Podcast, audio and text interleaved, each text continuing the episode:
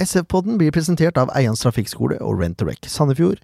Utstyret blir levert av speakom.no, og vi blir publisert i samarbeid med Sandefjordsplass nettsider, sp.no og Radio Tønsberg.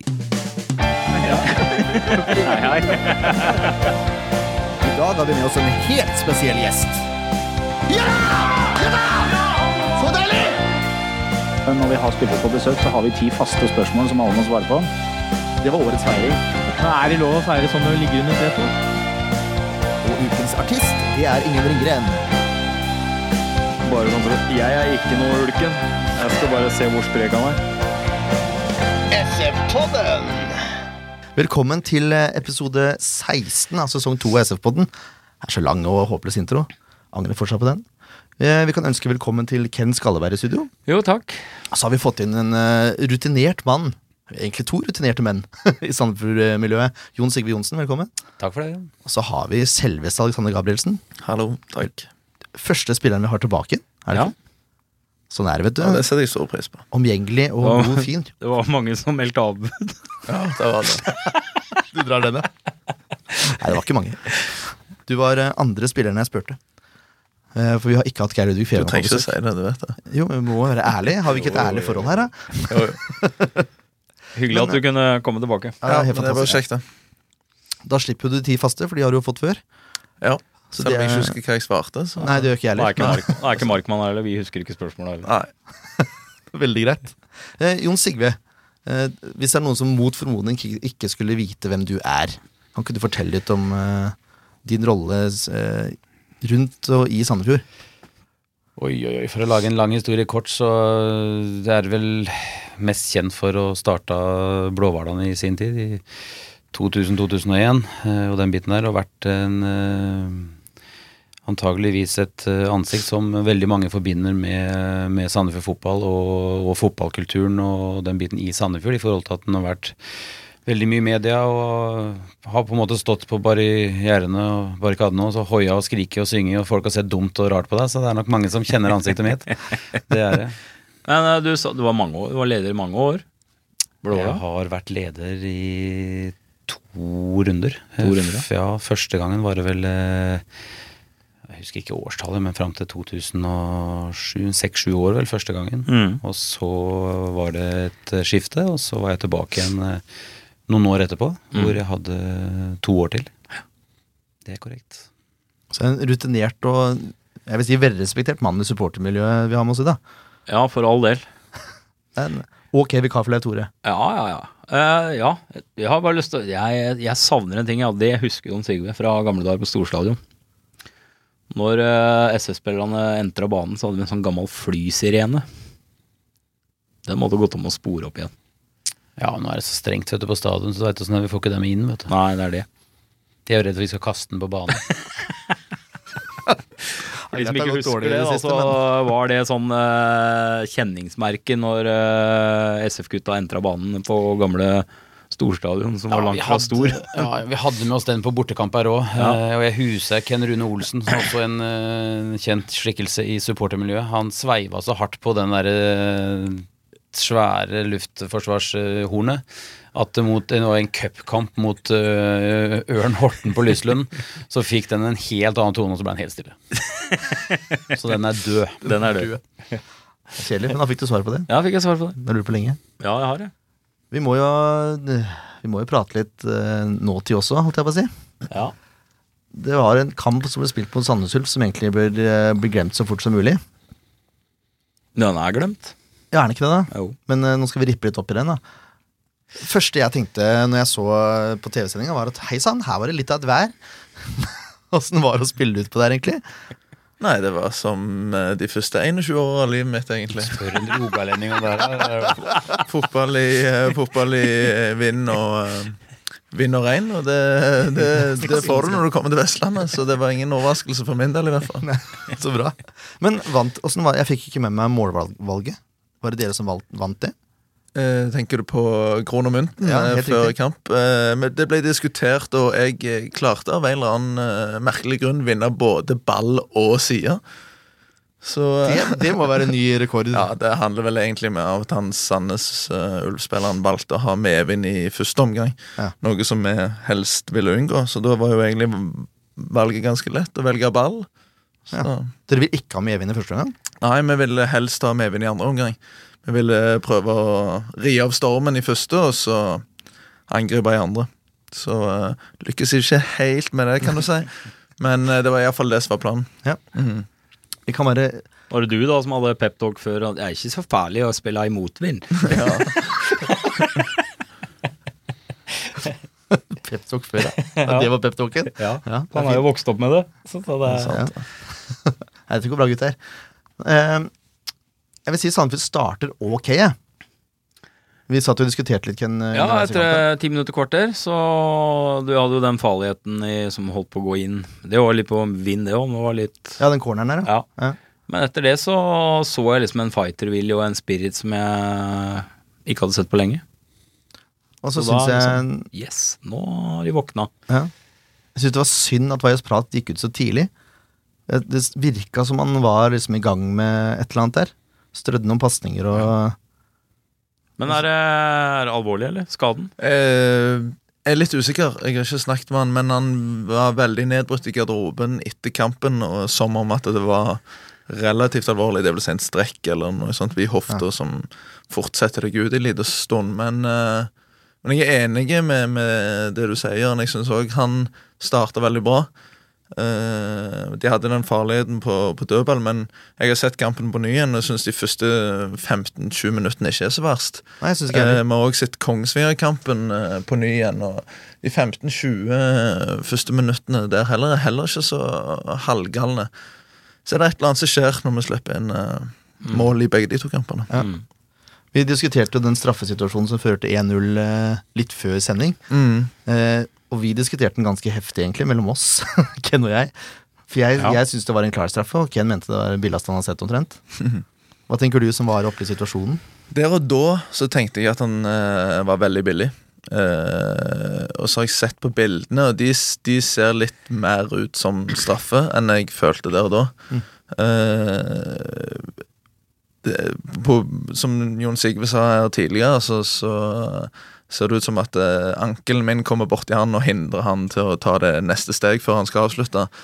Akkurat der og da føltes det ikke sånn. Jeg trodde han dømte på den armen jeg slengte inn foran for å få kroppen min inn foran, og det føltes veldig strengt. da. Så Ja. var han jo nede i baklommen og, og leide etter uh, rødfargen, så det ut som, så det hadde jo ikke akkurat vært eh, et comeback og og rope hurra for hvis det var straff imot og rødt kort etter hvert her, så eh, Men sett på, på bildene, ja, kanskje.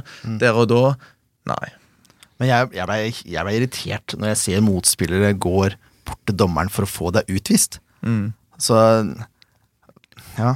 Ja, så er det bare det er jo- nye regler. ja. Men det er jo sånn, altså det, det ser du jo ikke, altså uten sammenligning for øvrig i internasjonal fotball, så ser du at dommerne, enkelte dommere lar seg påvirke. Og det, det smitter over også her hjemme på berget, hvor at uh, spillerne detter enklere. De skal jukse til seg dit de skal jukse til. Da, sånn, de er borti på dommeren, pirker på den er oppe med kort og all den biten her sånn. Og det er en uting, men det er på en måte, det er noe som er kommet, og da må de gjøre noe med det for å bli kvitt det. Men eh, det tror jeg blir tøft. Ukentlig kavalkade på TV, hvor de rett og slett bare driter dem loddrett ut. Særlig på skuespill og sånn. Jo, men altså de må ta det fra så Nå er det jo en liten digresjon her, men du må ta det fra barnefotballen. Fordi Ja, at jeg sitter og ser på, gutt, det- ser ja, på gutta også, som er ti år. Og de detter jo som fluer hvis de vil, og klager og sutrer. Og så hvis ballen ruller mot motstanderens mål, da er de oppe og springer etter den som et helsika. Så det er på en måte det er noe med at hva de ser på TV, for de ser Mm. opp til profilene. De ser opp til Alexander, og de ser opp til guttene på SF. Og kanskje det er en eh, profil på et motstanderlag som faller litt lett. Ja. Å, dæven, se på han, da. Ja, han detter. Så gjør de det òg. Mm. Og det er litt synd. Derfor ser ikke jeg på italiensk fotball. Det er bra. Men jeg, jeg, jeg syns det hadde vært hadde vært ekstremt tøft idømt, hadde det blitt rødt kort der. Jeg, altså selv eh, uten regelendringer så syns ikke jeg det var eh, noe rødt, rødt kort-situasjon. Nei. Men jeg reagerte når han dro opp til gule òg, for jeg var usikker på fikk eh, Alexander for forseelsen, eller fikk du det fordi du gikk bort til en og prøvde å forklare det etterpå. Men du så jo veldig rolig og avbalansert ut der du står og snakker til dommeren. Du var jo ikke oppe i ansiktet på han og var aggressiv og den biten. Du prøvde bare å få en forklaring for han. Ja. Eller Fran. Ja, det stemmer det. Jeg fikk det i hvert fall ikke for uh, munnbruk eller Nei, noe sånt. nei. Jeg fikk det for forseelsen.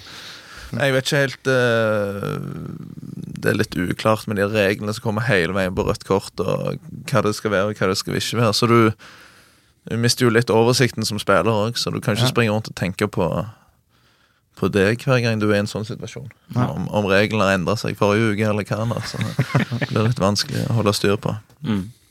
Men, men den gamle regelen som ga både rødt kort og straffespark, det var jo omtrent dobbel straff, eh, Ja. sånn som jeg så Mm, det. Så jeg mener de har i hvert fall kommet til litt fornuftig i forhold til den regelen. Det er helt enig. Men jeg syns ikke det var noe For en gangs skyld, da. Nei, jeg, jeg syns ikke du hindrer han fra en klar målsjanse, for det var jo en sikring ved sida av deg også. Hvis ikke jeg husker helt feil. Ja. Han var ikke aleine igjennom. Så det å på et rødt kort her, det er eh, Han er ikke aleine igjennom, men eh, Alexander er fortsatt på etterskudd. Ja, ja, det, er det er uten, det er ikke helt uten grunn Alexander sier at han prøver å få handa inn foran for Mm. å bryte løpebanen hans, eh, altså i retnings, eh, eller løpet hans. Eh, og Alexander i utgangspunktet sånn sett, altså det er jo gjerne forsvarsspillere som lager disse her eh, straffesparka. Og det er jo ikke et ukjent, eh, en ukjent hendelse for Alexander. Vi hadde jo en sesong her hvor du lagde vel en to-tre røde kort for noen om det var, Jeg husker ikke om det var i fjor eller om det var i opprykkssesongen.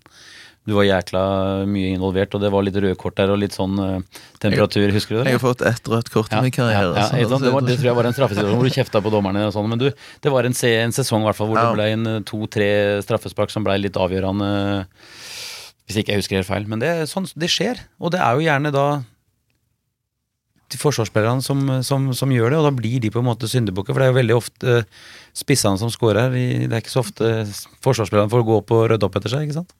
Eller den type Og så må man jo gå, man må, man må gjøre noe der. Jeg, Ja, man kan jo Ja. ikke bare slippe altså, Nei. nei. dette tør jeg ikke, for jeg kan lage straffe. Altså, du må bare Balansen mellom å banke til. trykke til og lage straffespark og få en rein takling, den er, eh, Den er fantastisk liten. det, det er helt skal veldig lite til. Det er litt dårlig timing på en takling. Tenker deg litt dårlig om, og så plutselig så Men det som, den. det som er litt Det er. Det er helt korrekt. Det som er litt morsomt da, som, når vi har Alexander her, på en måte, for det, det er mye lettere for han å forklare det. For det som er nå, nå har Alexander vært ute med, med skade, og han er ikke, det er jo heller ikke ukjent for Alexander å være ute. Og, men denne perioden her har vært forferdelig lang, syns jeg, eh, og hatt vondt av det. Og så kommer du inn i på en måte en periode hvor vi er litt, eh, litt nede. Mm. Og så kommer du inn, og så får du laga denne straffa på en måte der. Altså, ok, hadde du på en måte Du har jo også sagt sjøl at det, det er noen sperrer du må komme over i forhold til skaden og kanskje den biten her sånn. Eh, påvirker det deg i kampsituasjonen som gjør at du kanskje på en måte kom på etterskudd, eller at du på en måte har marginen imot deg? Er det på en måte at du da kanskje ikke er 100 kampform eh, og har vært ute en stund, si? Er det noen paralleller her? Altså 100 kampform eh, jeg vel Det er vel det er vanskelig å si, altså. Men mm. uh, fysiske testene vi har hatt, viser at jeg uh, mangler litt på på, uh, på på den fysiske formen sånn rent løpsmessig. Eh, det skulle vel egentlig bare mangle når du har vært ute i 14 måneder. Ja. Ja, ja. Ehm, så timing i, i, timing i kamp er veldig viktig, og kanskje hvis jeg hadde spilt uh, et par kamper til, så hadde jeg gjerne vært litt kjappere inn i den situasjonen og avverge den situasjonen i- istedenfor å Istedenfor å få et straffe imot. Uh, så litt rusten uh, er jeg, selvfølgelig. Um, men uh, jeg må rett og slett bare bite det i meg, og, og nå får jeg i hvert fall kamptrening eh, som jeg ikke har fått i det siste. Litt av at uh, tredjedivisjonslaget vårt er jo, er jo ute. Så da var det vanskelig å få eh, kamptrening, så jeg blir litt sånn kasta kjapt inn i det, og så må jeg eh, holde hodet over vann og, og eh, og uh, klare meg med, med det lille jeg har av bagasje i forhold til eh, det fysiske. Så, eh, så uh, at jeg ikke er i form, det er ingen overraskelse. Men eh, jeg, må, jeg må klare å komme i form på kort tid. Eh, Og, det, og det, er, det er vi alle enige om, og det ønsker vi alle, for alle vet hvor god du er når du er, når du er tipp topp, når, du er- når, du er på- når du er skikkelig på G. Det er, det er morsomt. Vi så, vi så det mot Kongsvinger også. Altså når du kom inn der, det var plutselig Pasningskvaliteten fra Forsvaret Der var det plutselig tre-fire hakk opp, mener jeg, etter Mm. at du kom inn. Kun av de, Det er kun din fortjeneste. Og det syns jeg jeg merka litt i, i treeren eh, mot Sandnes og Ulf òg, hvis du ser bort fra antall baklengs. da Mm. Men eh, å spille seg ut fra Forsvaret var lettere med deg der enn det har vært med de som har vikariert for deg, da, syns jeg. Hvis du ser bort fra Grorud. Bare vent nå, så når han begynner å bli ordentlig varm nå, kjenner du på det det løsner her. Når han dytta vekk alle utafor 16-meteren, han skal ta alle frisparka sjøl òg. Bare vent, det kommer snart. Da er han i form. Det, som, det, som, eh, det som ofte skjer når du har vært ute en periode, det er at du kommer tilbake med veldig mye eh, guts, entusiasme, overskudd. overskudd. Og når det overskuddet kanskje begynner å sive litt ut, så går du ofte inn i en tung periode. Eh, og da alt eh, går litt seinere enn det, det bør gjøre. Men eh, så handler det kun for meg å gjøre den perioden der kortest mulig. Og det gjør jeg mellom gjennom hardt arbeid på trening og, og gjør det rette i hverdagen. Så akkurat nå er jeg inne i en periode der jeg kommer til å kjenne på at, eh, at jeg ikke har spilt fotball på lenge. At jeg, eh, kroppen eh, trenger å hente seg inn etter hver eneste økt. Kanskje enda mer enn de andre utpå der som har, har trent ganske tøft i hele år. Så eh, den perioden som kommer nå, blir veldig interessant for min egen del. Så, men jeg håper at jeg kommer best mulig ut av den. Og så neste år så skal jeg være 100 klar og i kanonform. Det er veldig glad for å ha deg tilbake, i hvert fall. Jo, takk. Det, det er vi. Og så er det nå engang sånn, Alexander, at Uh, dette her er jo ikke for å sitte og rakke ned på det, men det er du som sitter Nei, i studio her. Uh, for det var ikke så fryktelig mange på SF som var uh, bedre enn deg på i, altså i Sandnes, altså. Det var det jo ikke. Det så ut som det var mange som var ute med skader og var inne i en, eh, en tung treningsperiode. For det, vi ble, jeg føler at vi blei eh, Altså, vi blei løpt fra Altså, vi blei løpt opp offensivt. I senk. Ja, vi ble, løpt, ble løpt opp offensivt, og så ble vi løpt fra defensivt. Eh, altså uavhengig av hvilket ledd du er i. Og det er en dårlig Eh, kombinasjon. Det er en veldig dårlig kommunikasjon, eh, kommunikasjon. Det er en kombinasjon, men det er sånn at du eh, Jeg så på en måte det, Alt ble sånn halvt, fordi at vi ble litt vi, Jeg følte vi ble så Når vi var bak, og så skulle det oppbyggende spillet som vi på en måte til tider får til veldig bra, så var det sånn at vi var nervøse. Vi hadde, altså, vi, måte, vi hadde ikke orientert oss når vi fikk botaket. Så var det ei tå bare for å få ballen vekk, og så måtte nestemann strekke seg langt etter for å få tak i den jævla ballen. Og da ligger det to mann nede, og så kjører de over oss. Eh, på en måte hele tida på etterskudd i de avgjørende situasjonene, spesielt defensivt. Offensivt så resulterer det i at ikke vi skaper noe.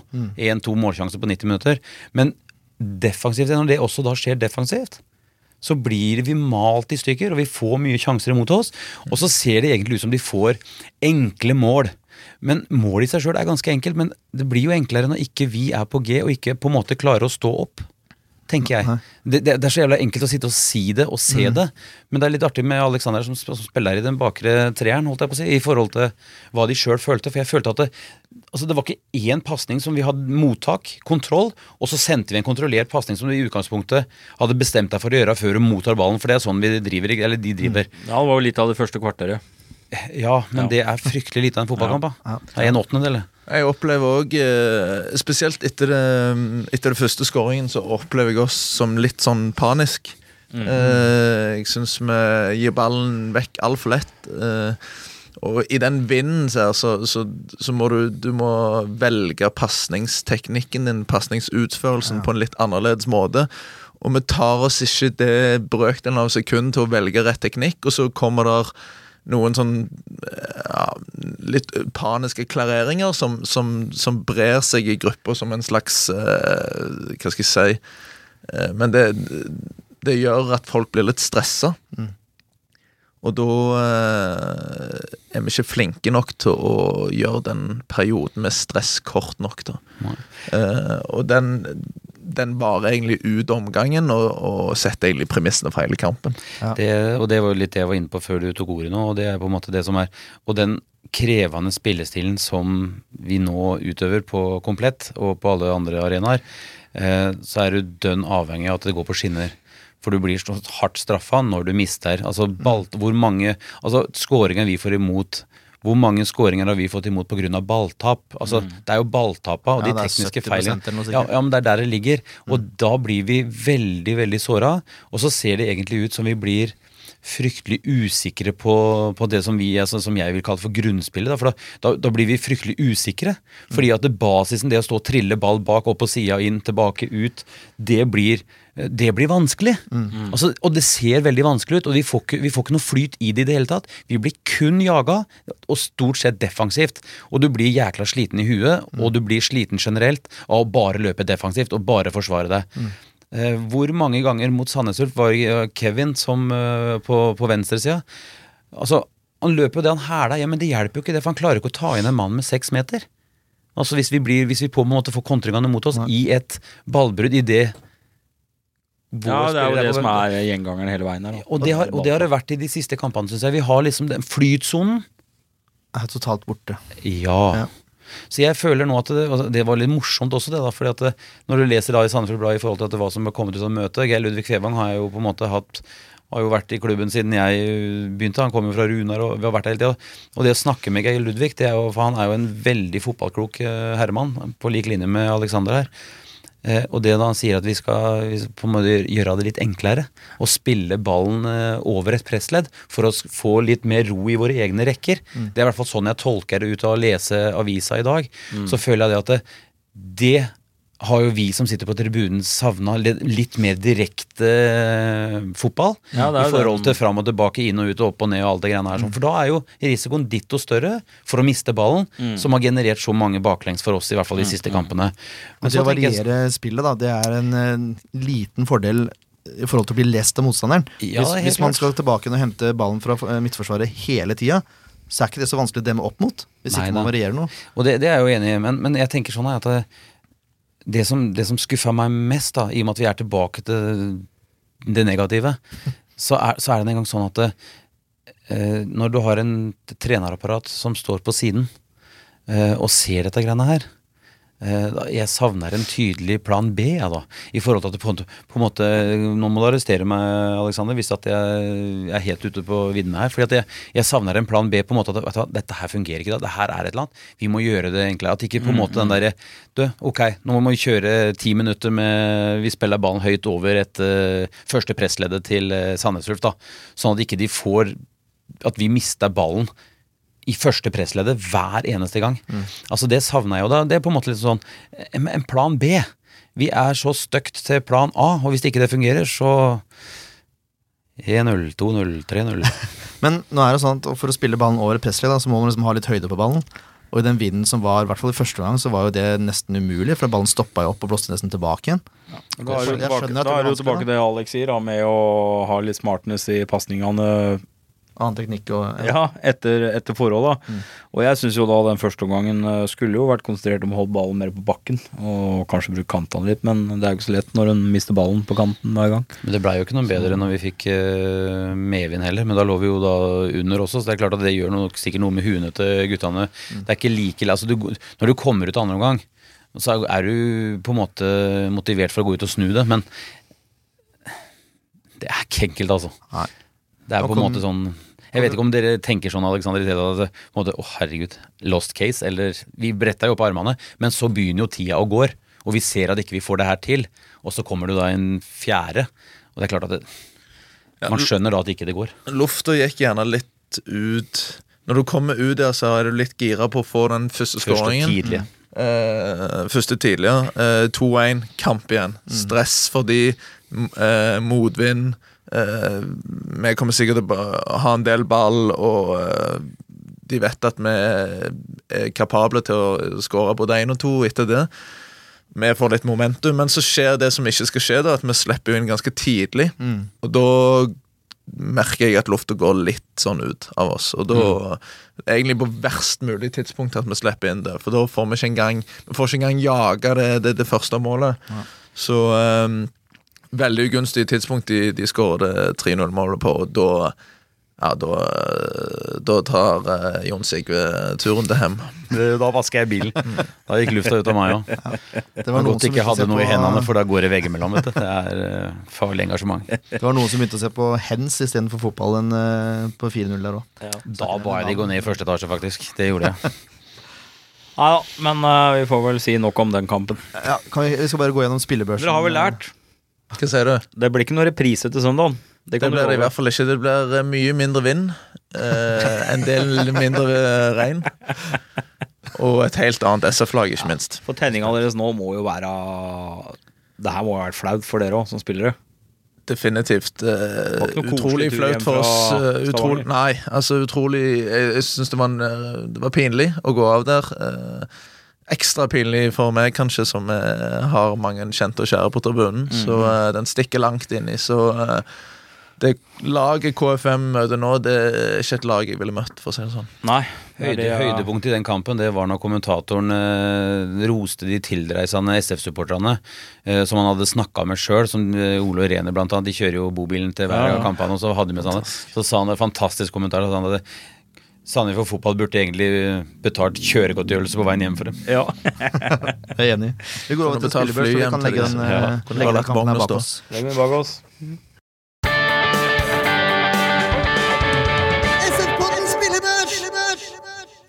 Ja, vi skal, vi skal gjøre det her kjapt. Skal vi ikke det? Og jeg, jeg har jo lest igjennom den, så jeg skal ikke kverulere egentlig på noen ting. Nei, men Så fint, da. Um, Kanskje litt. dette er til og med verre enn Kongsvinger, altså. Uh, så vi bare jeg, jeg skrev det her rett etter kampen. det bærer kanskje preg av, men sånn er det. Jønsson får tre, tre poeng av ti. Han slipper inn fem mål. Og det er vel egentlig Da har vi sagt nok om den saken. Hvis du lurer på eh, poengsystemet, Jon Sigve, forresten, så er det, det er gammel eh, championship manager-stil over det. Så seks poeng er godkjent, for det er, det, man, det er utgangspunktet. Over 50 ja. Ja, rett og slett. Det er, det er standardnivået til spillerne, tenker vi. Så alt under er ikke så bra, alt over er veldig bra. Gabrielsen, du får, du får fire av meg, du. Laget straffe, men det var veldig gledelig gjensyn fra start. Uh, jeg, Jeg vil bare få poeng for å nei, nei, nei, nei. Men jeg, jeg syns som sagt at uh, ballpresisjonen var høyere i treeren bak enn det den har vært på en stund. Og jeg tror mye av det går på deg. Også posisjoneringa, forresten, på høyrebekken der. Ja, syns jeg det- du takla ja. mye bedre enn eh, et par andre spillere som har spilt i den posisjonen. Jeg har jo aldri spilt der. Jeg har hatt ei trening der, så det var, det, jeg må innrømme at det var litt annerledes. Uh, samtidig så har Christer vært såpass god i, inne sentralt der at han fortjener uh, å spille der, fortjente å spille der. Så uh, prøvde å gjøre det beste ut av det. Funka ikke. Nei, det er jo en ærlig sak. Uh, Reppes får også fire. Vi fintet så til de grader på det tredje målet. Litt sånn Bambi-takter. Ja, men det er jo det er Reppeskår. Reppeskår har et fantastisk potensial. Men hvis du ser motorikken til Reppeskår Hvis han er i ubalanse, så har han en merkelig måte å vri foten på. sånn. Det tar så lang tid før han kommer i balanse igjen og så får begynt å starte av det defensive løpet. Eller, altså, da, da blir han veld, Det ser så veldig dumt ut. Ja, det er helt Det, det må dere kikke etter. Det, men som regel så er det knallbra. På den scoringen der så ble jo Christer isolert én mot én Ja. mye mer enn han skal gjøre. Eh, samtidig så kan han ikke stupe oppi heller. Han lager, da kommer han sannsynligvis enten til å lage straffe eller bli dratt av. Så han prøver i hvert fall å få han så langt ut som mulig. Og, og, eh, Han gjør mye riktig der, Men vel Kent Håvard Eriksen får et uh, fryktelig bra treff på Ja, den, faktisk. Det er, den, det er vel den situasjonen hvor uh, jeg refererte til i stad også, hvor, hvor Kevin kommer, kommer de nødvendige meterne bak. Ja, for Kevin er veldig på etterskudd der. er Ja. Ja. Så han er jo, det er som Alex sier, at det da blir Reima, som vi har fått beskjed om av kalle den. Ja, jeg har hørt det i garderoben. Jeg vet ikke helt hva det eh, Nei, det er er han Tønsberg- Tønsberg-gutten eh, har kommet opp med, tror jeg. Jeg, vet ikke, jeg vet ikke hvor det kommer fra. Jeg har bare fått beskjed om å kalle den Reima. Okay, ja. Han som har fått ebola, vet du. Ebola. Det er der. Han har vært ute lenge. Stakkars. Eh, Viktor får fire. Han har et ballmist, i hvert fall ett. Ja, han har ikke. to. Han har to, ja. Ja. ja. Burde kanskje vært jekka ned til en treer, da. Ja. Ja. Det var ikke noe stor kamp av godeste Bindia. Offenberg får også tre, da. Synes han, men det er vanskelig, da. Det er vanskelig. Han blir veldig usynlig, også, så Ja. Nei, Det er det svakeste Offenberg har gjort i år. Jeg tror ikke vi får se så mange det som er altså, du, kan, du kan sette alle disse tallene, men det er jo det vi var inne på i, i sted også. Altså på en måte øh, Hvis det kladder bak, da, og du ikke får pasningsbildet sitt, og du blir pressa høyt av, av motspillerne, Ja, ja. og så skal du gå da på en måte Ok, så skal du løpe forbi da første pressleder, og så skal du få en pasning. Mm. Men når den pasningen ikke løper, altså når fram da, Ja, ja. så blir jo han straffa fordi Ja, han må løpe hjem igjen. Altså det, det. Så det er det, det, det- er så sammensatt, så det er veldig vanskelig. da Ja, det er jo et lagspill, så det er børs i seg sjøl. Jeg skjønner ikke hvem som har kommet opp med det. Men den kampen her kunne vi liksom så godt Vi kunne liksom godt brukt terning i den kampen her. Altså. Ja, faktisk. Storbekk får også fire. Uh, velkommen tilbake, har jeg skrevet, men det var, var ikke noe, var ikke noe kongecomeback, det heller. Fevang får også fire. Han er unøyaktig, og så stubler jeg på seg et straffespark imot. Men jeg syns det har vært fryktelig mye unøyaktighet fra Fevang eh, i det Ja, siste. ikke noe høydere. Det er kanskje ikke rette kampen til å gå på presisjon på, sånn i forhold til forhold. Uavhengig av rutinen som, eh, som Geir Ludvig, eller Ludde som vi liker å kalle han, eh, innehar, så, så er vi igjen tilbake til den der, det stresset. Den, vi har ikke roen med ball og, og den type ting. Og jeg, også de rutinerte spillerne blir faktisk eh, ramma av det. Det er ikke bare disse unge guttene som gjør det. altså, den mest hardbarka spilleren blir faktisk prega av, av den biten der også. Og så er det sånn at de kanskje den tenker jeg sånn at ok, eh, nei, nå må, vi, nå må vi løfte oss, nå må vi gjøre Men det er ikke alltid like lett heller. Så også ramler du inn i den samme gata som du er, og det er tøft å komme ut av. altså.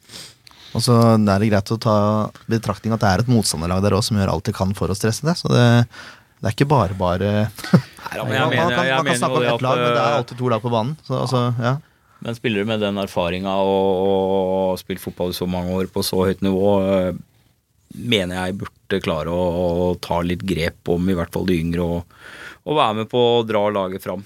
Jo, det- jeg syns vi, vi mangler en sånn markant type Ja, Alex er jo den typen, da. Eh, Men eh, sånn som Grorud er eh, veldig flink til det der. Å mane spillerne fram. Hvis du lagt merke til Grorud når han spiller. Han er fryktelig autoritær bak der.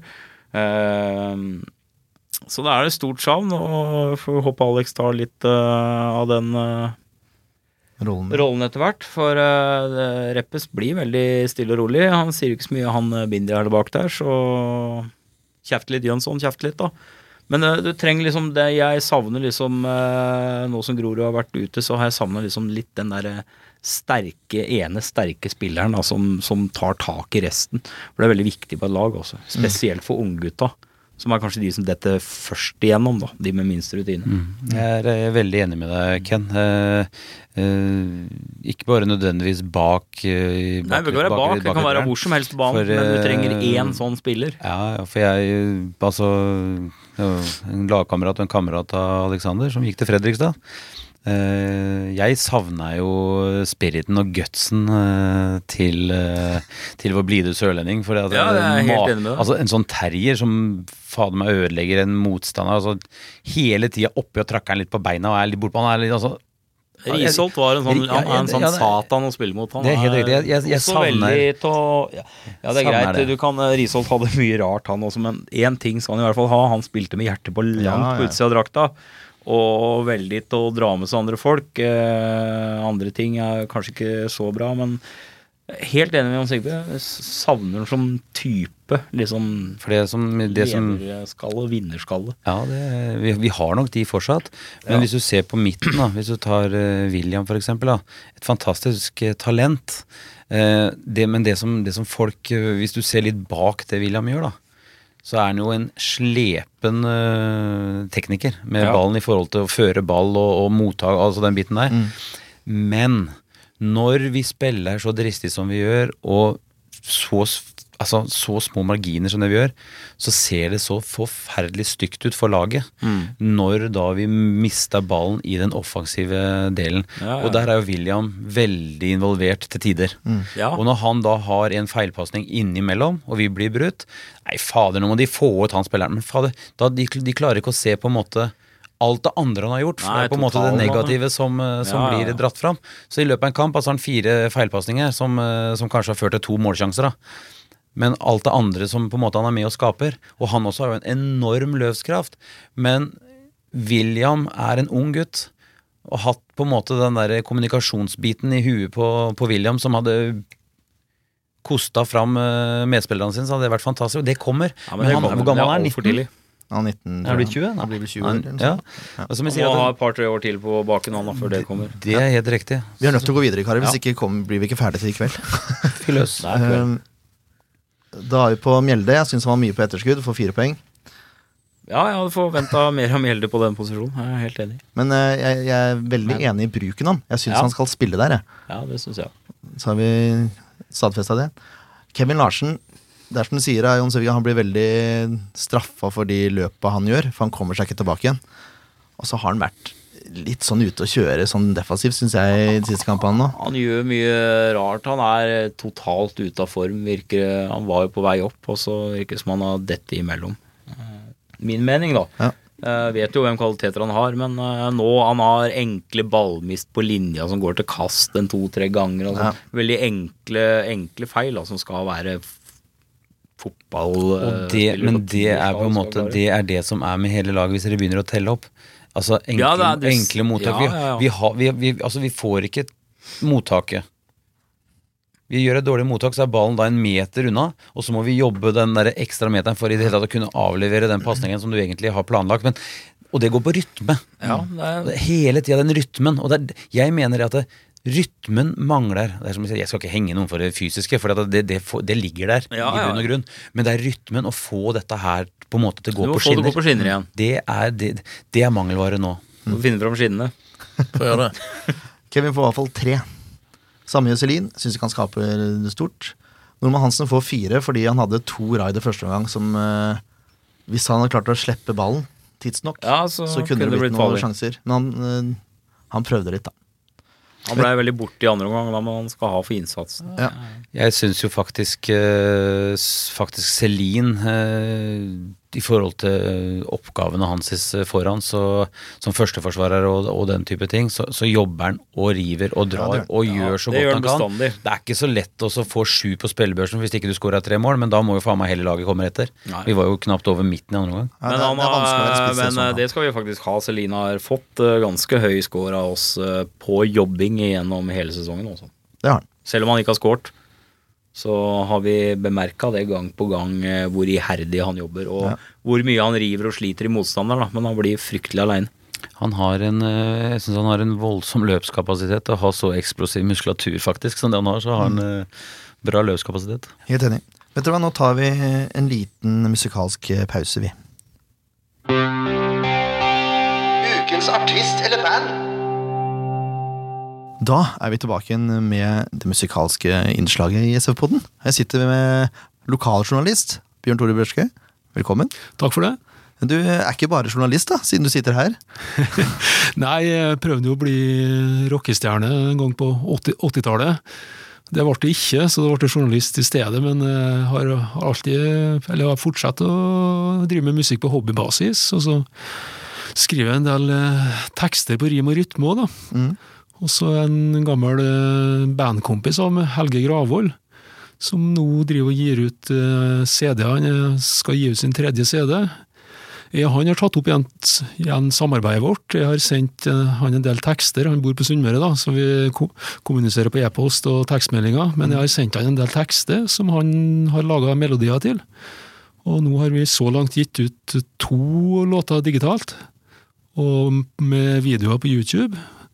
Og vi skal fortsette samarbeidet, slik at det i løpet av året kommer en hel CD. da. Oh ja, Hvor du skriver alle tekstene og han musikk, eller er det Ja, rett og slett. Jeg har sendt han en bunke med tekster som han velger ut ifra. da, og så langt så har samarbeidet gått eh, ganske bra. Han jobba kjapt, og vi er i en kreativ bølge nå som ja, det ligger an til at det blir en CD med en ti, kanskje tolv låter. Ja, såpass, ja.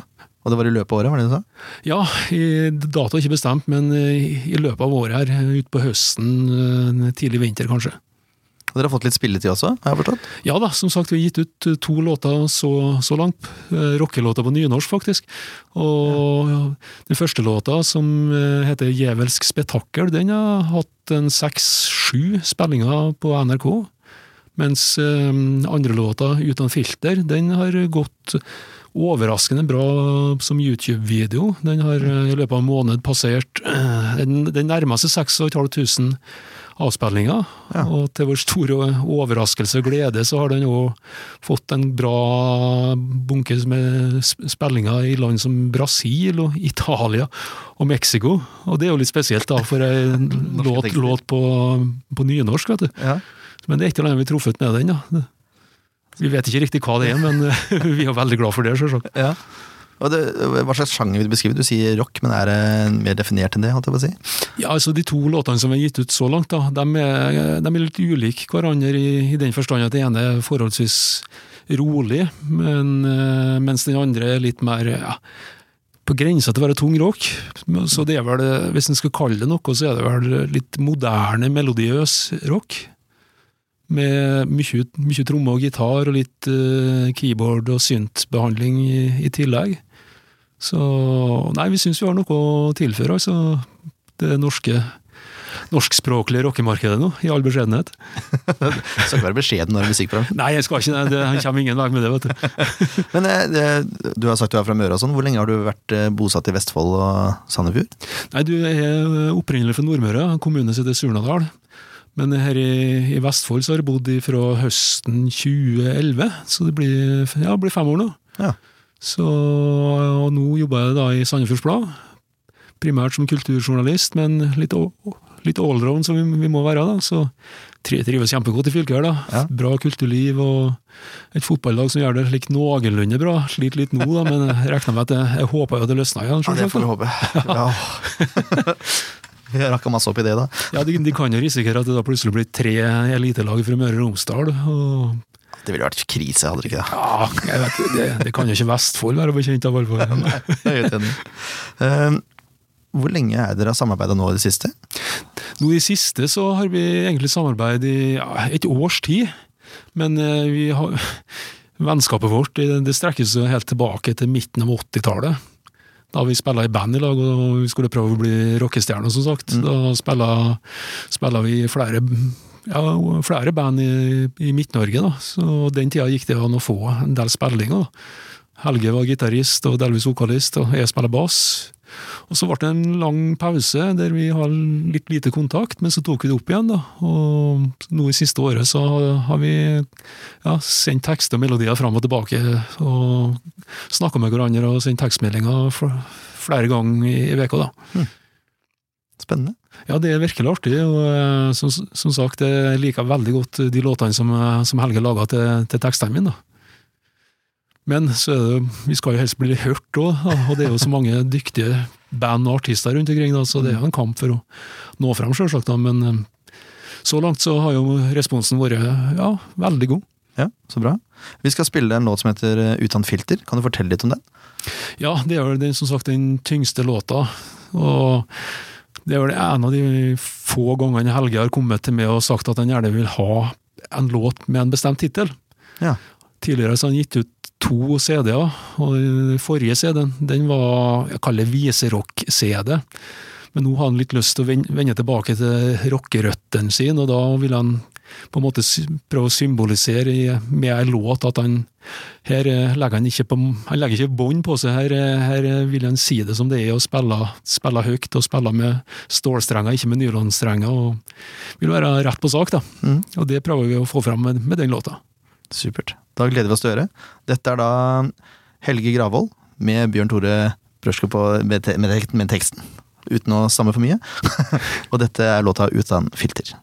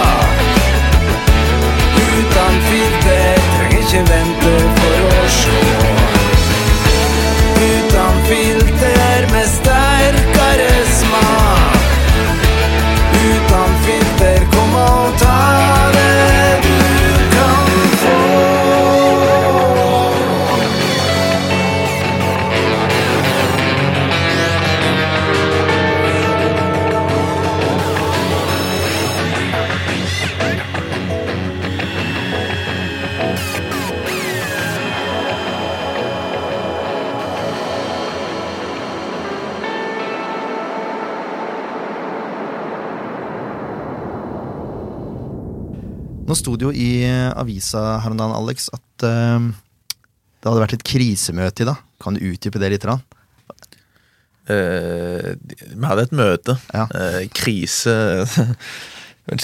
Altså et, uh, I hvert fall et møte om veien videre etter tunge stunder de siste fire-fem kampene. Der vi fikk lufta litt om hva vi ønskte mer i treningshverdagen. Eh, hva vi syns om uh, hvordan vi har spilt i det siste. Uh, er det noe vi kan gjøre annerledes? Ja, rett og slett for å lufte Noen ganger så trenger du bare å lufte litt hoder og høre hva folk har å si, og, og høre på noen tanker. Ofte når, når resultatene går litt imot, så kan en spillergruppe begynne å sprike litt. Heldigvis gjør han ikke det i Sandefjord i dag. Jeg har vært i Sandefjorden og det har, gjort det, har vært det tidligere, så da, jeg kjenner igjen mekanismene. Men eh, Nei, et, et bra møte for å, for for å lufte litt eh, hoder.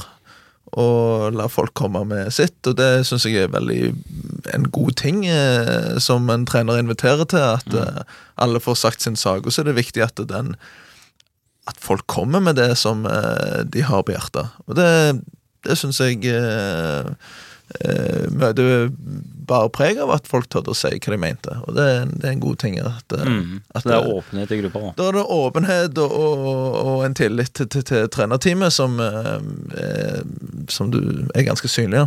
Ja. Mm. Så bra.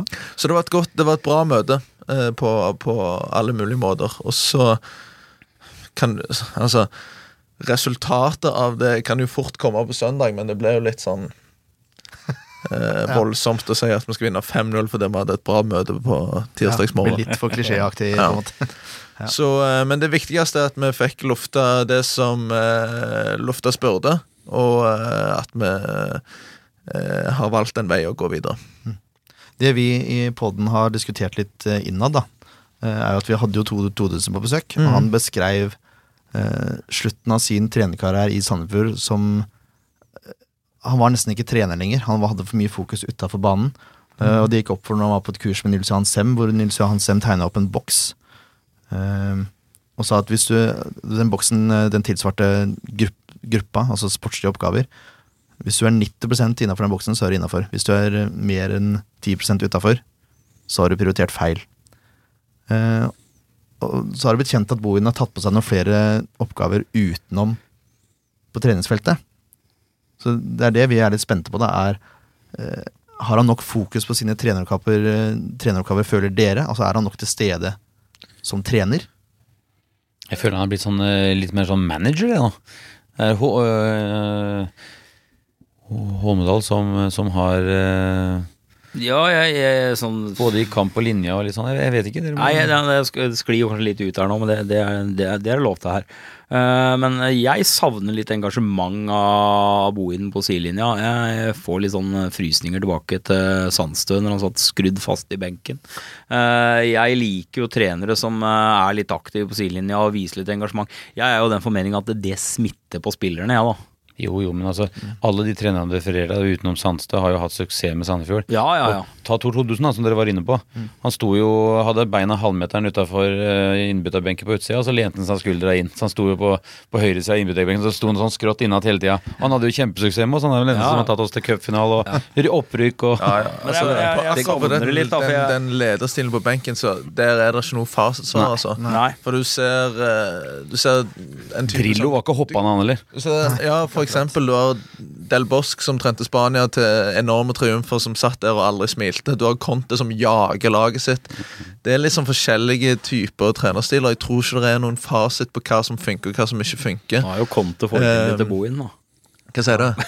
Det, det er vel mer taktikkmessig. Jeg bare lurer på åssen- åssen føler dere det sånn uttatt, utad, eller innad i gruppa? da Er det en Akkurat det jeg tror jeg er litt individuelt. Noen kan oppleve en, en trener som står der og maler og maler og maler som masete, mens andre, så, andre kan oppleve det som en, en eh, positiv ting for seg sjøl. Og, og, så for min egen del jeg kikker ikke så mye ut på benken, egentlig.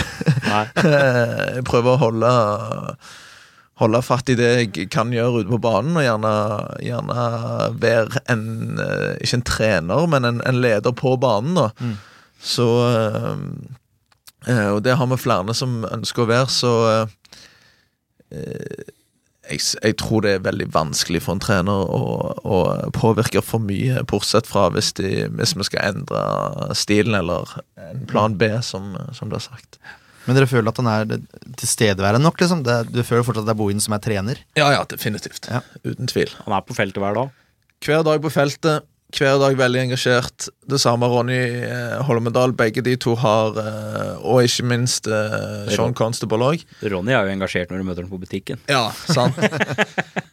og det er forskjellige typer ledestil, Ja. mens eh, Lars har hovedansvar og er veldig veldig engasjert i hverdagen, så jeg tror ikke du skal så tvil om, at, eh, om hans engasjement. Det er, så, det er så rart, for at det der eh, Altså, jeg, jeg, jeg ønsker ikke å så tvil om det, men altså, du begynner å tenke tilbake til hva som har skjedd. fordi at det, når vi har fått nye trenere, så har det gått jæsklig bra første året, og det har gått helt greit eh, andre året, og så kommer du midt tredje i ja. tredje året, så har det på en måte rakna i veldig mange av de, og da, da tenker Men jeg har hva det egentlig det? Nei, det, altså, det har ikke rakna sånn det, det, er sånn det å stikke fingeren i jorda Ja da. ikke sant? Ja. Men det jeg har vært inne på før, da, min mening sånn spillemessig sett i år, så har ikke Sandefjord vært på høyde på det nivået de skal være utenom Lillestrøm-kampen. Ja, det, Det er, min, det er ganske tøff påstand, da. Det er en ganske tøff påstand. ja, det, det Ja. ja. Ja. Men gjennom, i Lillestrøm-kampen syns jeg det var full innsats gjennom 90 minutter. Eh, og maskinen fungerte mye bedre. Da. Eh, Det var liksom et lag som spilte mot Lillestrøm, mens det har vært mer tendenser til eh, små klikker og enkeltspillere i de andre kampene. Men eh, Og så har det vært mye det, Ja, ja, altså, sånn, sånn isolert sett Lillestrøm-kampen. Hvis du ser en Obos-kamp, eh, og så setter du den opp mot en tippeligakamp.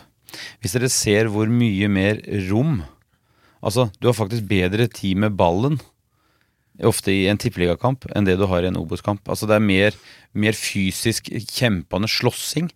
Eh, og så kommer du da til tippeligaen hvor det er mer spillende, hvor du blir spilt ut. Hvor på en måte det blir er flere bevegelser samtidig som gjør at de skaper rom for hverandre. Ja, ja. Eh, altså I Obos-ligaen så er det dårligere kvalitet på spillerne. Det er dårligere kvalitet på, på, på samhandling, altså den type ting. Som igjen gjør at det er vanskeligere å spille i Obos-ligaen, vil jeg tro, for det mannskapet vi har, enn det det ville vært i eh, Tippeligaen. Det- Nå er jeg tøff, men, eh, Ja, men det, det her- det, føler jeg. I mine øyne så er det dette, ganske godt observert, egentlig. Eh, vi har to eh, spanjoler som er fryktelig gode ballspillere. eh, som bare kommer til å bli bedre og bedre. Men som jeg tror passer enda bedre i Tippeligaen enn de gjør i Adeccoligaen eller Obos-ligaen som dette. Eh, og de vi har et par av de spillerne eh, som em, er egentlig lagd å spille en klokere fotball, men en kanskje en en litt seinere fotball der ting eksploderer. Eh, hvis du ser kamper i Spania, så går det ofte seint en periode, så kan det eksplodere fullstendig. Obos-ligaen bærer litt preg av at det kontres i øst og vest. At det, eh, Som Roger, nei, Ronny Holmedal liker å si, det blir kontring på kontring. Eh, og det blir skåret veldig mye, mye mål på det. Og det så det, jeg syns det er en, en fin observasjon eh, du har gjort der. eh, at eh, Obos-ligaen mangler mye hode, men har mye hjerte. Mm. Det var Godt jo sagt. godt sagt. Så man har tro på systemet og formasjonen. Eh, Ja, definitivt. Ja. Eh, altså det er først når vi begynner Når vi, når vi plutselig har fått et par tap på rad, så begynner folk å snakke om eh, 3-5-2 igjen. Ja. Og det er naturlig, det, altså. Men eh, 3-5-2 fikk oss til å vinne Hva var det, åtte, ni, ti kamper på rad? Mm.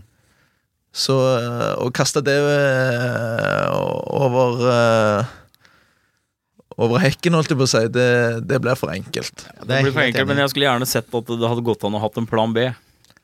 Ja, men til har en plan B. Nei, men, nei, men eh, det, jeg syns det blir for lett å si at man skal gå over til fire bak, fordi Nei, men nå da, da, da er man bedre defensivt. Det er ikke nødvendigvis sånn. For hvis wingbackene våre hadde ligget riktig i forsvar, under press, så er det jo en fem, femmer bak der. Og det skal vel demme opp bedre enn en 4-4-2. Ja, men, men, da må det jo ligge riktig, da. Det jo, det altså, det- altså, det handler jo ikke om om de skal ligge riktig, for wingbackene våre kan godt ligge riktig, de. Men det hjelper jo ikke det hvis at vi, de da som er inne på banen, eller om Alex som i bakerste ledd på en måte skal, vi skal spille oss opp dit. Og hvis den ballbanen blir brutt, Ja, det er jo sårbart. da hjelper det ikke om du har wingback Da er jo ikke wingbacken eh, Eller wingback, da er wingbacken riktig plassert i forhold til det offensive spillet. Mm. Men når du da får et brudd imot, så er den jo stein hoppende gærent plassert i forhold til det defensive spillet. Altså, Mm. Og den balansegangen der sånn. Og da Ja, men så sånn er det i sånn at enhver posisjon, da. jo men, jo, men da tenker jeg på en måte sånn at det kan altså, jeg, For jeg, jeg, det jeg har sett uh, med mitt lille fotballhode, det er jo det at jeg syns Når vi på en måte er i det offensive, og når vi blir brutt, så føler jeg på en måte at vi har hatt større avstander mellom uh, lagdelene enn det har vært tidligere. Så ret, returløpa blir tøffere og lengre. Det er på en måte en, altså, en bilde som jeg sitter igjen med. Ja, jeg, eh, jeg eh, Nå har jo jeg òg sittet stort sett på tribunen i Det er godt det siste- ja, det siste året. Og jeg eh, kjenner meg no, nok en gang igjen i det du sier. At avstanden i år Ikke i år. De siste fire, fem, seks kampene har vært litt mer enn kanskje det var i 2014. Eh, Litt av at vi ønsker å styre kamper og ønsker å dytte kantene våre litt eh, med et høyere utgangspunkt enn vi kanskje gjorde i 2014. Og så har vi gjerne blitt eh, litt straffa for det nå. Egentlig så kunne vi blitt straffa for det tidligere i sesongen, men vi ble ikke det mot Raufoss borte. Husker vi hadde ganske mange krisesituasjoner imot oss. Eh, men så i det siste da, så har vi blitt skikkelig straffa. Vi har egentlig, altså mot Sandnes mange sjanser Sandnes? Seks? Ja, kanskje. Ja. Ja. Skårer fem, Ja. altså to straffer, da, men allikevel. Det er uttelling. Vi har begynt, ja, vi har begynt å, å få bank litt sånn uh, déjà vu i forhold til Tippeligaen. Uh, der òg fikk vi ganske mye bank i de kampene vi ikke var flinke nok til å eh, komme kjapt nok på plass og kompensere på, for at folk er ute av posisjon. Men det var jo gjerne Da var vi jo eh, Det som er forskjellen eh, for å dra sammenligninger med det, da, det var jo at eh, i fjor så var vi jo veldig ofte på høyde helt fram til eh, 85-86 Ja, minutt og fram til 93. Altså på en måte Vi, vi tapte jo ekstremt mange poeng og kamper de siste syv-åtte minuttene, hvor vi på tribunen da sitter og, og føler at yes, vi, dette tar vi poeng. Vi leda. Mm. Altså se Ålesund uh, Ta Ålesund-kampen borte i Tippeligaen i fjor, da, hvor vi har stålkontroll. Og så virker det som, uh, virker det som om vi skal på en måte uh, Dette skal vi sikre hjem, og det er vi ikke gode nok til. Da skal vi begynne å spille ball og, og være trygge med ballen, men det som skjer, er at vi blir pressa steintøft og klarer aldri å løse opp i den floka. Og får øh, spikeren i kista da på overtid. I Haugesund, vi leder, vi går opp til 1-0 i Haugesund i fjor. Hva skjer?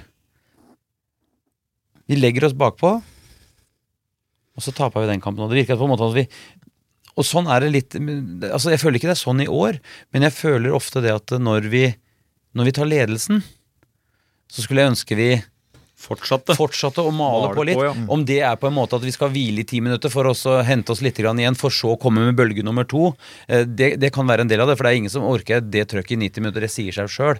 Men på en måte, ja. Vi hadde jo, jeg kan et eksempel her, vi hadde jo hjemme eh, litt usikker på hvem av kampene var. Men det var som Alexander refererte til tidligere i dag, de to spanjolene våre.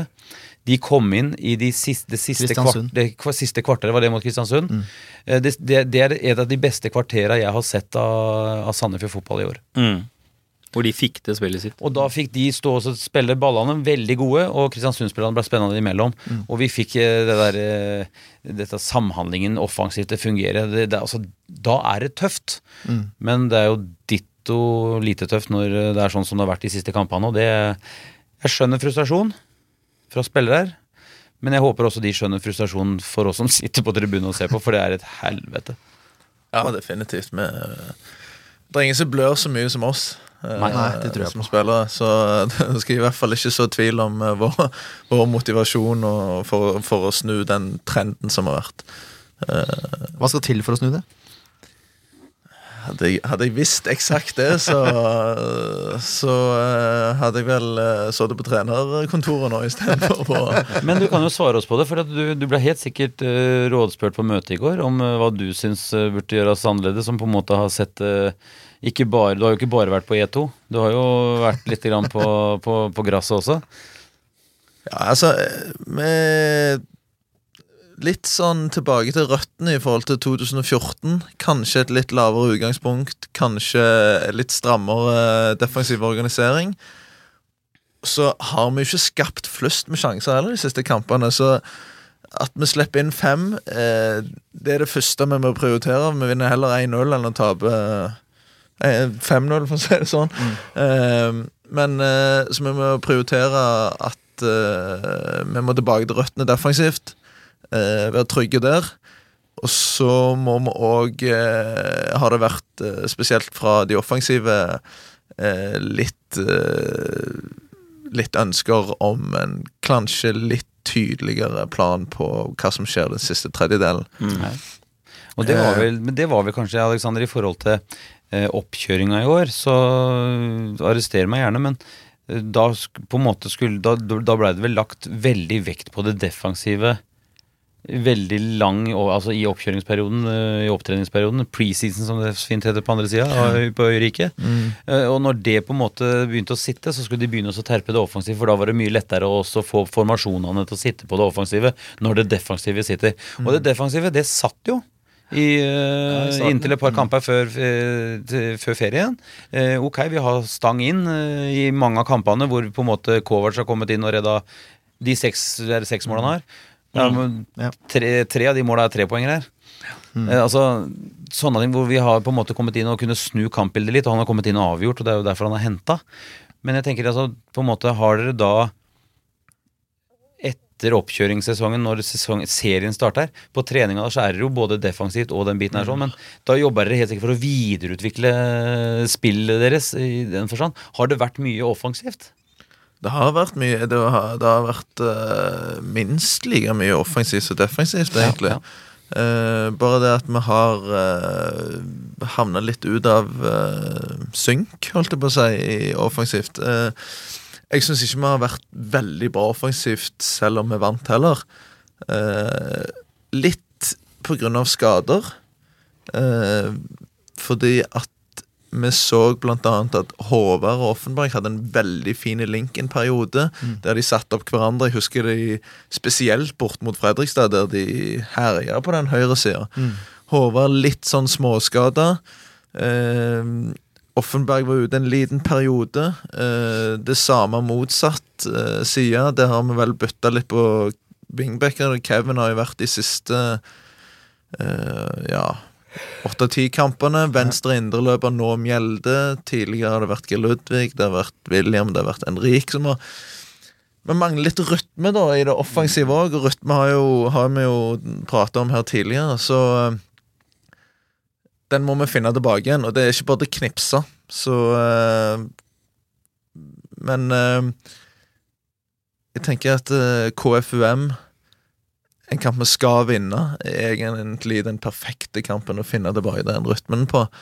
Og finner vi tilbake den rytmen der, så vet vi at det kommer tre kamper på syv dager. Åsane, Raufoss og Mjøndalen. Åsane Er det det? Ja, Åsane, det ja. er riktig, det. Så det blir ei superviktig uke eh, for oss. Så hvis vi kan finne den rytmen nå, både defensivt og offensivt, så kan den definere sesongen for oss. Ja, men da tar vi de tolv poengene. Ja, altså, altså får, vi, får vi løsna litt på ting nå mot KFUM, så tror jeg de tre kampene der kan gjøre egentlig utslaget på hvordan sesongen vår ser ut i positiv retning. Det blir veldig, veldig spennende å, å se gutta og laget komme ut på banen og når dommeren blåser til søndag. Det blir eh, uhyre spennende, og ikke minst fryktelig viktig. Det gjør det, og det, det som er veldig viktig òg, det er at, eh, å tenke på at uh, vi har kommet ut med en bra spirit de siste kampene òg, det er jo ikke det. Uh, men vi har kommet under 1-0, og så har hodet gått ned. Det kan skje med KFUM òg. Men eh, denne gangen må vi bare sørge for at de hodene ikke går ned, og at vi klarer å holde den samme intensiteten. For med den intensiteten vi hadde de første 15-20, både mot Sandnes og mot Kongsvinger, har vi den i 90 minutter, så slår vi KFM. Det, det gjør dere Definitivt. definitivt. Du, vi skal, vi skal prate med supportlederen til KFM, Nikolai Sabel. Bare vent litt. Da har vi med oss eh, leder fra eh, Profetene, Nikolai Sabel. Stemmer. Stemmer. Hallo, hallo. Velkommen skal du være. Takk skal du ha. Eh, Jeg måtte ringe deg litt tidligere enn det vi hadde tenkt det, fordi du skal se fotballkamp på pub. Kan du fortelle litt om hva du skal se? Eh, jeg skal se Luton Town mot eh, Aston Villa. Så da må man ha Sky Sports, og da må man oppsøke en pub. Hva slags turnering er dette her? Du, det er ligacupen. Det ligacupen. Første runde i ligacupen. Så det er uh, Luton Town. Vi, uh, vi, ser jeg til og med, vi ligger i league 2, da, så det blir jo nivå 4 i England. Og så er det jo, som de fleste vet, Villa da, som rykka ned til championship i fjor. Så det burde være planke, plankekjøring for laget fra, fra Luton her. Høres bra ut. Så det Ja, ja, jeg har trua, vet du. Aldri si aldri. Så, nei. så det blir eh, Men det er, det er veldig morsomt, for det er, det er sjelden vi går på eh, Det er TV-sendt. Så når det først er eh, Når det først er TV-kamp, TV-kamp, så må man eh, Da må man prioritere. Jeg skjønner. jeg skjønner. Jeg sitter, nå sitter vi med Gabrielsen, som er forsvarsspiller på Sandefjord. Han holder med Sheffield Wednesday. Og så har vi, Han gjør det, ja. ja men det er jo eh, Det får respekt av. Ja, du gjør det. Og så har jeg en ja, ja. fyr ved siden av meg her som pleier å være med, som holder med AFC Wimbledon. Men vi rykka jo opp, Ja, de, de har jeg også veldig sansen for, da. Vi har jo hatt noen, eh, vi har jo hatt noen runder. Der har det vært Så de rykka jo opp fra league 2 eh, på vegne av oss eh, tilbake i Ja, det husker han bedre enn meg, tror jeg. Kan godt hende. Men eh, ja. Men du, først og fremst, du er vel Koffa-supporter? Det, ja. Det er jeg. Eh, akkurat nå så er det jo liksom 45 minutter kampstart, men ja, jeg er jo toppsport. Hvordan, hvordan syns dere sesongen har vært til nå? Du, det har jo vært eh, det er veldig gøy, da, for det første. Eh, hører du meg godt, forresten? For at nå er det veldig mye veiarbeid og sånt. da. Jeg hører noe piping i bakgrunnen, men jeg hører stemmen din godt. Ja, jeg kan eh, flytte meg litt fra den der eh, Det er en dampveivals, faktisk. Så det er livet. Jeg ofrer livet. Så, ok. Jo, eh, du, sesongen så langt har vært kjempegøy. Det er jo, For vår del så er det jo eventyr å være oppe. Så vi, vi koser oss stort. Og så er det jo er det jo sånn at vi liksom Målet vårt er jo å holde seg og etablere oss. Ja. Eh, og foreløpig så ligger vi jo ligger an til å klare det. Eh, så det er vi fornøyd med. Samtidig så er det kanskje, det er, det er kanskje litt sånn Man skal kanskje ikke si det når man liksom er en, er en klubb på størrelse med Koffa, men, men uh, uh, vi, er innimellom litt skuffa også. For at vi har, vi har hatt noen kamper hvor vi føler at det har gått litt mer stang ut enn stang inn. Hvor vi har eh, føler at vi har styrt kampen. Så, men igjen da, så har det gått andre veien i andre kamper. Så det, men sånn summa summarum så koser vi oss gløgg og, og syns det har vært veldig morsomt. Så bra. Ja, Dere ligger på 11. plass nå. Stemmer. stemmer. 22 poeng. Det er ikke, det er ikke så hardt, det. Det er ikke så gærent. Altså, jeg pleier alltid Når folk spør ja, åssen gjør dere det egentlig, for alle, alle forventer jo egentlig at vi skal rett ned igjen, så pleier jeg egentlig bare å si hvor mange poeng det er opp til playoff. Eh, og det er jo liksom Og da blir folk så overraska, men det er jo egentlig kortere vei ned, da. Så det, men det, det sier jeg ikke så mye om, så det Alt, alt er positivt fortegn. Ja, ja, så, men eh, nei, så målet må være, være å holde oss der, da. Ja. Jeg syns det, er- det er realistisk. Ja. Ja, du, Eventuelt klatre opp, da. Ja, Det, vi, vi, kan, altså, vi tar gjerne playoffer nå, men jeg tror ikke vi har lyst til å rykke opp. Så det, sånn, sånn fra erfaringa. Det har blitt et vakent Ja, vi kan- mot Vålerenga. Ja, vi hadde jo cupens eh, var eh, tredje runde, vel. Eh, hadde vi jo mot, hjemme mot Vålerenga. da. Så det var jo Etter vår mening så var det en av kampene hvor det gikk litt sånn ut. For vi hang godt med 70 minutter. Og det var jo, det var jo klasseforskjell på tribunen. Det var jo Klanen hadde jo ingenting å stille opp med. Så det var eh, Ja, ja. Så vi er, vi er klare for den, altså. Det er eh, byderby. Det er eh, bare å komme. Men det kan jo være de rykker ned, da. Så det kan jo være at vi kan, vi, vi kan drøye det, det opprykket. Og så kan, de, kan vi få et par runder til, til neste år. Det hadde vært moro, det. Det hadde vært sikkert veldig stas. Um, jeg, så, jeg så på Alt om fotball at dere ligger faktisk på syvendeplass på bortetabellen. Og det skremte meg litt. ja. Det, ja, for nå kommer vi jo til dere, så det, Det er nettopp det. det er bare å, bare å passe, passe seg. Nei, ja. det, vi er jo litt skuffa over det, da, fordi at det er litt sånn Vi ville jo heller ligge der oppe på hjemmetabellen, sånn når, eh, men eh, vi tar jo vi tar det vi kan få, vi. Så det Ja. Hvordan ser dere på, det- hvordan ser dere på kampen mot Sandefjord nå? da? Dere er jo nesten favoritter hvis man går etter form. Oi, det, det er ikke et ord jeg har lyst til å bruke om akkurat den kampen. Mest fordi jeg er på deres podkast. Men, men eh, Jo, men eh, Nei, jeg kjenner vel kanskje at det er eh, eh, Ja. Si, altså det er jo et av de større, større oppgjørene da, for vår del den sesongen. Og et av de oppgjørene vi har sett mest fram mot. Det er jo noe av det som vi syns er morsomst, i og med at det er jo både for oss profetene som står på sidelinja, men også gutta på banen. er jo liksom, Dette er jo uh, ja, første muligheten for mange i første div. Og, og mange hadde kanskje ikke planlagt at vi skulle komme så langt engang. Og så er det jo da er det gøy å spille mot de litt større lagene og de litt større anleggene og sånt. noe. Så det er klart Fredrikstad borte, dere borte og sånt. noe. Det er jo uh, det er de kampene vi ser fram mot. Som, hvordan det kommer til å gå, det det veit jeg ikke. Det, det får vi se. Det kommer helt an på formen. Så, ja, det er, det, men det er vanskelig å si. Dere skal jo på papiret, og egentlig på eh, alle papirer som fins, være bedre enn oss. Eh, men, eh, men det er jo kanskje Jeg vet ikke hvor ligger dere på hjemmetabellen? Sånn, om vi ligger på syvende borte, så er det jo Ja, kanskje vi kan hevde oss, da. Ja, Det er ikke umulig. Jeg spurte du fotball. Nei, nå, nå spurte du fotball. Du, jeg sovna på sofaen. Du spurte vanskelig, skulle jeg si.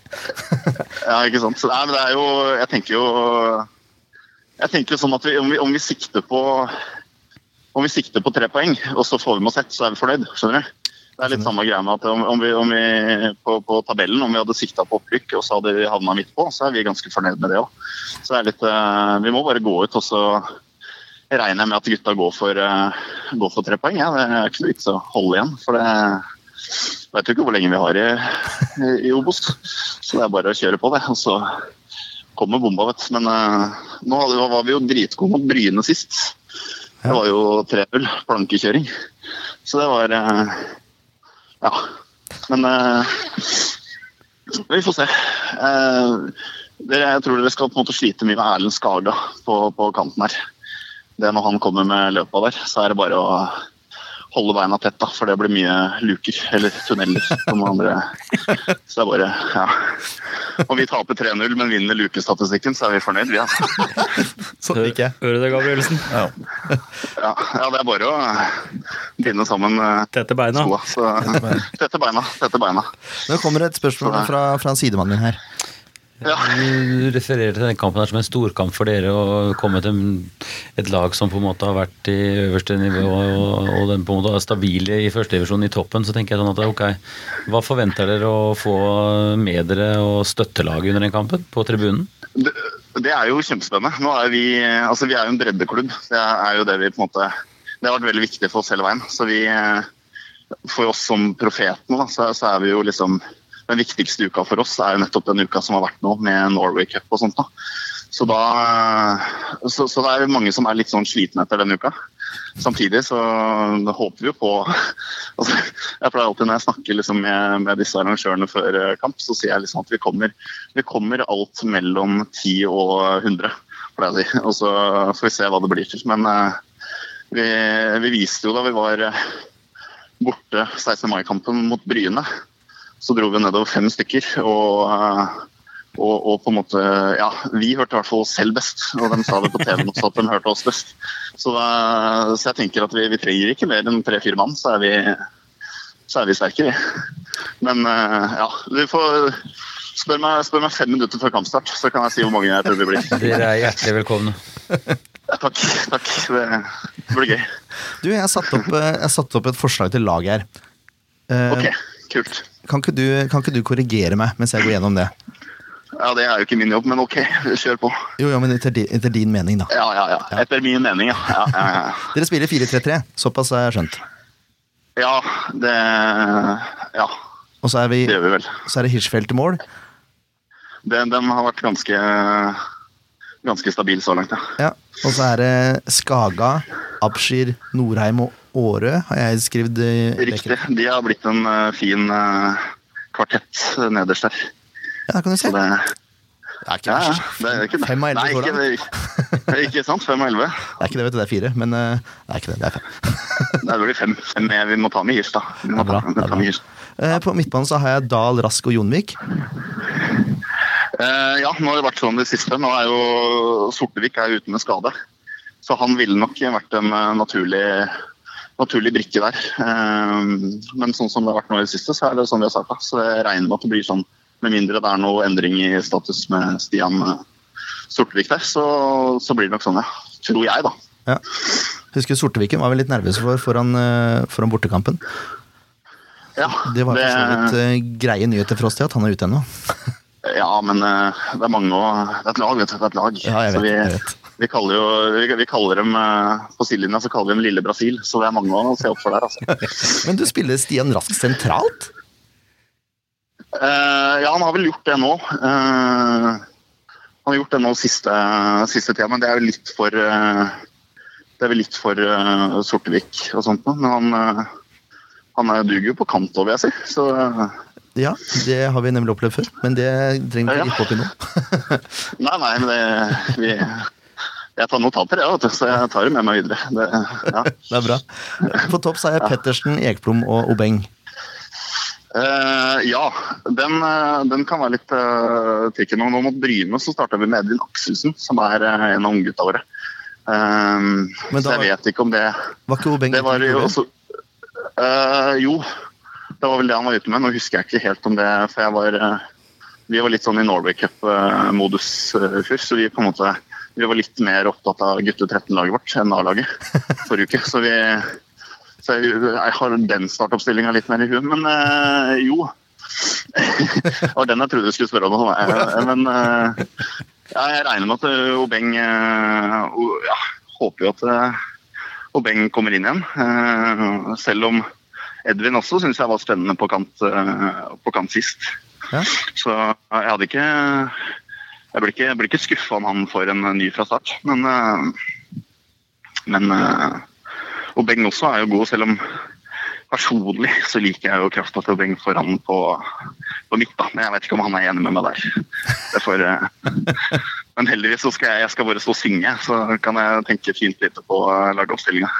Men er, Men, eh, ja. er Stian blitt så sein at han har blitt putta sentralt på midten? For han har jo stort sett spilt kant i de klubbene han har vært i tidligere. Eh, nå er vi på, nå er vi på Sortlyken, eller? Rask, ja. Rasken, er- ja. Nei, Rask, ja. Uh, Rasken er vel strengt tatt Robin, Det er Robin. men, uh, Stian- ja, men Eller Stian Pettersen. Ja, er, Stian Pettersen, er det, hvem er det vi snakker om nå? Nå går det surr. Det er helt Er, er Stian Pe- er det Det var noen som Stian Pettersen, til Stian Robin Rask, da Rask eller han var det på KFUM, og det er han jo da tydeligvis ikke. Så da har eh, Ja, eventuelt om vi Altså om vi da får en, om vi får en krysning, altså en kloning mellom Stian Sortevik og Robin Rask, så tenker jeg da da må dere bare, da må dere følge med på kanter og midten og overalt. For Da da, blir den ikke lenge i Oslo. da blir det Nei, det, jo, jo, jo. jo. Klubb for livet, vet du. Klubb for livet. Det Nei, det, det var rett og slett en misforståelse. ja. Men eh, har du et resultattips, eller? Eh, ja, vil du da ha i luker, eller vil du ha i mål? Jeg tar begge deler, jeg. Begge deler? Ja. Ja, jeg går eh, Jeg går for en eh, Skal vi se Um, I luker så ville jeg nok sagt en 2-0. Jeg tror det blir ganske stillingskrig på akkurat den. Så klart i Koffa, da, for det er, det er vi som er gode på luker. Jeg skjønner. Og så, nei, vet du hva, 3-0, og så får, får da jeg den faktisk til Skaga der. Skaga tar en hat trick i luker. Og da er det da er det så klart da med høyre, venstre og hode. Så det er jo the perfect hat trick. Eh, og så uh, går jeg for 3-2 da til bortelaget, faktisk. Jeg har tro på Nikolai Aare. Han løsner skikkelig nå, liksom. Så vi har en bekk som skårer hat trick på søndag. Og så er det den andre bekken som eh, putter uh, tunnelene. Det er jo Ja, altså det er bekkene. Det er der dere må bare følge med. Så det Jeg hørte at dere hadde en forsvarsspiller inne i rommet nå, så det er bare å Altså, ut på siden alle mann. Og så Åpne opp i midten. Hvem av sine er, det være- den maskinen er det best å samle Ja, jeg, nå er det bare nå er det fri bane for Boss og resten av gutta på midten. Nei, ja, det, jeg, jeg, jeg tipper alltid i favør Jeg tipper alltid med hjertet. Så jeg tipper, uh, tipper at det blir at dere går på en smell, altså. Beklager. Ja, men du, det, det er sånn det skal være. Ja, og så er vi profetene, så vi kan kalle det en profeti. Kan vi si. Altså, går det, går det. Men eh, så klart, det er eh, Taper vi, så så, så er vi jo er vi jo ikke skuffa over det heller. For det, de siste skal bli først. Så det, det, går, det, går, det går seg til. Hva tror dere? Sånn siden Hva er det vi burde liksom eh, se opp for? Ja, alt. Ja, egentlig. Veiavei på vei fra Oslo til Sandefjord. Du mener, Nå holdt jeg på å bli kjørt over en dampveivalg i stad, så det, det er jo ja. Hva dere skal se Kanskje opp vi ikke kommer så mange.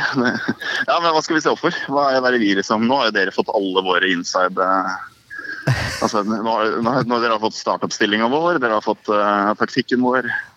Dere, nå kommer liksom både Skaga og Åre kommer jo til å ha en mann på seg hver, så de, de får ikke gjort en dritt. Hva, hva skal vi liksom passe på? Da må dere passe på fyrtårnet vårt eh, som ligger i boksen og venter mens dere har to mann i full firsprang framover. Så ligger vi og banker inn mål etter mål på huet.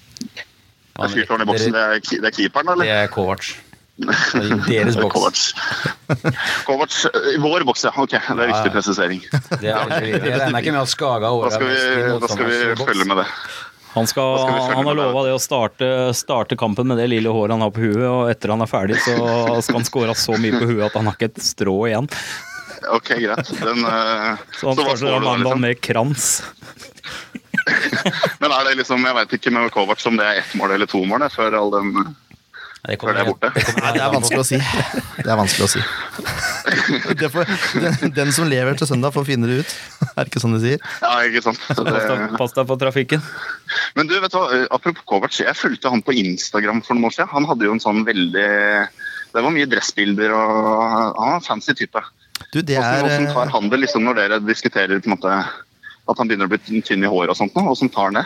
Spørre Gabrielsen, han har press i boksershortsen nå. Han har det. Han har det. Fy søren. Jeg er ikke overraska, altså. Det ble prata litt her om en krans, og den kransen har vel allerede, så hvis han skal flytte seg noe, så er det vel en centimeter bakover. Ikke mer enn det. Men det, det er sant det at Peter uh, er litt uh, en liten type i klesveien. Han er, ja, ja, han er jo Han ser jo godt ut, da. Han skal ha det. Av en eller annen grunn så tror jeg ikke han hadde Han hadde ikke sklidd rett inn i koffergjengen, hadde det? Altså, det, vi har jo mye Vi har jo vi har mye fine, fine gutter, vi òg, men jeg tror ikke Fine gutter har dere, men ja, ja, Stopp igjen med Altså, du, du, skal ikke, du skal ikke le av manken til Kristoffer Dahl der. Eh, Doff, han er fin i den har, jeg, den har jeg aldri ledd av. Jeg har spilt med han på ungdomslandslaget, og jeg har aldri ledd av den gutten der. Ja. Nei, det, men jeg, jeg, akkurat det vet jeg ikke. Men eh, jeg kan si det, da, siden vi er på lufta, og sånt, så kan jeg si at om Peter Kovac har lyst til å komme til Koffa, så er han hjertelig velkommen. Altså. Det, Det er ikke det det skal stå på. Det skal jeg hilse han og si. Ja, han får ikke noe lønn, da, men det, det, det Han finner klær, da. Han spiller gratis. Ja. Han, han, ja. Du kan kjøre en gratis til Bogstadveien en gang i uka, vet du. Han får gå på Ja, shopping. ja, ja. Det, men det skal vi ordne, vet du. Vi har sånn, eh, vi har sånn vi har godt kollektivtilbud, så det ordner vi. Det er bra, supert. Du, tusen takk for praten, Nikolai. Det er veldig hyggelig. altså. Jeg håper å prate litt med dere på søndag. da. Og lykke til på Sånn søndag. etter at, vi, etter at profetien har gått gjennom. Det får vi se, det skal vi prøve å ordne. Ja, konge. Ja. Ja, Lykke til, og velkommen skal dere være. Eh, Takk skal du ha. Takk skal du ha. Og Ha det bra. Ha det bra. Ha det, ha det. Ha det her. Tusen takk til Nikolai Sabel for at han tok seg tid til å prate med oss. Vi må, vi må ta ut et lag. Du har ikke vært med på det før, Jon Sigve, men det er, det er sånn vi gjør det. Vi leker trenere en liten periode her nå. Jeg leker trener hele tida, jeg. Ja, det er bra. Får aldri rett, men uh... Nei, det gjør vi ikke. Det er ikke så viktig. det er ikke så viktig. Nå virker det som Henrik er ute. Ja, treneren, eller? Eh, nå har vi ikke hatt Vi har bare hatt ei trening, og det har vært ei restitusjonstrening. Vi skal trene i morgen. Eh, Henrik ble ikke klar til KFM. Nei, okay. Eh, det tror jeg vi kan fastslå ganske greit. Kjedelig. Er det noen andre som er eh, ute da? Grorud selvfølgelig. Grorud Gro er ute. Ehm, nei, jeg tror, eh, jeg tror de fleste begynner å, å stables på beina. Ingen suspensjoner. Nei Så bra. Kjetil Berge litt usikker. Eller eh, han trente nå i hvert fall i forrige år, sånn som jeg så det. Men uh, var jo ikke med i troppen Nei. eh, på grunn av en liten skade. Så han blir nok fort òg aktuelle til å komme tilbake. Mm. Det hadde ikke hatt så mye betydning for oss, egentlig. Tror du det? Samme Nei, kan det får, være. Vi får ta, ta laget Få først. ta keeperen, keeperen, først, da. Det er vel ikke noe å lure på det heller. Blir Batman? ja. Nei, jeg tror han skal få lov til å så Reise kjerringa igjen. Ja, altså, for å si det sånn. Han gjorde så godt han kunne, han som alle andre, men uh, Jønsson, han eh, Han er solid. Jeg vil se Alex på høyre igjen, jeg, også På midtstopper, eh, I midtstopperrekka. Ja, jeg tror vi er vel ganske enige med den bakre treeren, vel. Blir vel uh... Alex Reppes Bindia. Ja. Høres greit ut, Sigve? Jeg eh, Jeg tror og håper han gjør det for oss å spille inn en, eh, en treer, femmer, holdt jeg på å si, treer bak som, ja, jo som får samhandling. Det tror jeg er viktig, og det har vi vært inne på, så jeg tror faktisk det er viktig. Eh, Alex får fornya tillit. Eh, Bindia får fornya tillit. Jeg er litt mer usikker på om eh, om Kevin eh, Ja, nå har ikke kommet dit. Nei, da, nei, jeg tror de tre bak eh, er greie. Og Hvis du skal begynne å spille mer direkte også, så er det jo perfekt at Alex er tilbake igjen. Mm. Spør du meg, da. Kakefoten. Da er vi over på femmeren, da. Ja. Skal Offenberg og Storbekk få en ny sjanse på høyresida der? Ja, jeg syns det. Jeg tror ikke vi får se en så svak kamp av noen av de, og det bor så mye mer i både Offenberg og, og, og Storbekk. Ehm, ja, så jeg, jeg tror det er et veldig riktig valg. Offenberg har jo stor support fra en egen gjeng som sitter på Sparebank 1-tribunen. Som uh, er med å følge på Offenberg hver kamp. Så jeg Det er jo fantastisk å se på er Offenberg. Hvem kamp var det? Han eh, hadde tre målgivende fra høyresida der. Han uh, stupa i angrep og la inn tre baller, og det ble tre skåringer. Det var jo fantastisk. Jeg husker ikke hvem eh, vi spilte mot, for det begynner å bli mye lag, men eh, Jeg husker ikke sjøl. Det var jo knallkamp. Han Ja. fikk vel ja, Han fikk en åtteren. Han ja. Ja. Offenberg er, eh, er kommet for å bli. Hvem skal vi ha på sentral midtbane? Sånn uh, holdende midtbanespiller, som jeg kaller det. Nei, jeg, jeg, nå har Krutovic eh, hvilt, uh, og jeg tror han er så sugen på å spille igjen. Så jeg tror unge William Krutovic Jeg er helt enig med deg. Da er det greit. Da er spørsmålet på venstre innløper, da. Blir det Fevang? Blir det Mjelde? Jeg håper jo Jeg håper, ja, jeg håper på en av dem. jeg- For å si det sånn eh, Når Sandefjord spiller Altså, Geir Ludvig i en indreløperrolle for meg, det er eh, Det syns jeg er gøy også. Den fotballkloke herremannen som indreløper. Eh, den Altså, jeg tror Ludde tar den. Jeg har, jeg har veldig store problemer med å sette ut Erik Mjelde fra et Sandefjord-lag. Ja. Bare sånn at det er sagt. ja, jeg er helt enig med deg. Jeg, jeg vil ha Mjelde der. Eh, ja. Også øh, sansen for Ludås, men jeg, Mjelde har den derre killerinstinkten sin. Vi kan, eh, vi kan vente litt med den, da. Og så kan vi gå på Skal, La, skal Kevin Larsen få fornya tillit? Nei. Da var jeg kjapp. Eh, Det var du. Altså, ja. altså For å gå litt rundt det, da. Nei. Bombastisk fra, fra Ja. deg, Ken. Ja, bombastisk nei. Og Da er spørsmålet mitt hvem andre har vi på venstresida? Sørlund. Ja, eventuelt Kri. Og det ble stille fra andre sida av rommet. Ja, nei, Det blir ikke så stille sånn sett. Men eh, hvis det står mellom eh, Kevin og, og Kri, så ønsker jeg, ønsker jeg faktisk Kevin fra, fra start. Og så eventuelt et bytte der med Kri eh, lenger ut i omgangen. Eller litt ut i andre omgang. Men jeg vil ha Sørlund der, jeg. Ja, heller, heller Søderlund enn eh, Larsen. Jeg syns Larsen har gjort seg bort de siste kampene. eh, ordentlig. Eh, Det er hele laget. Det er på en måte Ja, det er hele laget, men det er det som er eh, greia. Altså, altså, det, det er ikke så enkelt å si at eh, du var ræva. Fordi han gjorde sikkert mye riktig òg, men det var de bak som gjorde feil. Ja, men det er veldig enkelt å si det. Jo, det er, Men, det eh, er ganske ikke lett å si det. like å si det. Det er ikke, det er ikke vanskelig å si det. Nei, det, det er det Nei men det er, ja, vi, det er godt vi er uenige, da. Ja, det er veldig Det er litt moro. Eh, Du skal slippe å Det viktigste er at vi har alternativer. Ja. Ja. Nei jeg har veldig sansen for Kevin som spiller, men jeg syns han har falt igjennom litt i det siste. Det kan bare prege at eh, jeg mener at han, han trenger en eh, liten, et lite hvileskjær. Mm. Og jeg syns noen av de unggutta burde være sultne på å få ta en sjanse. Skal vi bare kjøre her gjennom vi to, da, eller? Skal vi, skal vi, sette, skal vi sette den der? Siden Sigve er rookie og Nei, men det er jo to mot én, da. Ikke det? Jo, det er det. Eh, nei, vi har jo den spissplassen igjen da, som vi må opp på. Men eh, nei, jeg, jeg mener eh, Normann Hansen med, med farta si på sida. Og så har jeg veldig sansen for eh, Normann Hansen nå. Han tør å utfordre, og han, eh, ja, han tør litt mer enn de fleste andre. Det passer fint, for da kan vi gå over til spissplassen. Jeg er enig med Normann Hansen. Mm. Jeg vil ha Kovac sine fra Ja, det vil jeg òg nå. Fra start. Sammen med han andre vi har, Celine. Da skal jeg bare spørre dere om en ting. Eh, hvem spisskonstellasjon er det vi har skåra mest mål med i år? Mest mål med i år. Ja. Hvem spisskonstellasjon er det som har skåra Jeg kan svare på det på de to spillerne som har skåra flest mål. Ja, det er jo Celine og Kovac. Nettopp. Men, eh, Men jeg syns ikke, ikke, ikke samhandlinga mellom Celine og Kovac er hva jeg skulle ønske han var. Men jeg syns ja, den det og- eh, Jeg synes den er bedre enn en enn Kovac eh, Mjelde. Og jeg syns den er bedre enn Mjelde Selin. Mjelde Selin, de, de er to spilletyper som blir litt, litt like. Så jeg, jeg, jeg kunne tenkt meg Mjelde og Kovac. På topp. Ja. Jeg syns også de Og blir får. Celine, så får vi Celine inn at Altså du kan vri på det, altså. Men jeg syns vi lykkes med det i de første kampene vi spilte i år. Det på en måte å kunne på en måte bytte Altså i det 70. da, som, altså rundt 70. minutt, når vi kommer inn, og så bytter. Og altså, vi lykkes med det. Om, om Kovac kom inn eller Celine kom inn, så har vi lykkes i veldig stor grad med å ha de to, for det er to veldig forskjellige spisser. Med veldig forskjellige egenskaper. Eh, Celine, har jo, nå- Celine og Kovac. Ja, fint. Ja. Eh, og Celine har jo hurtigheten og arbeidskapasiteten.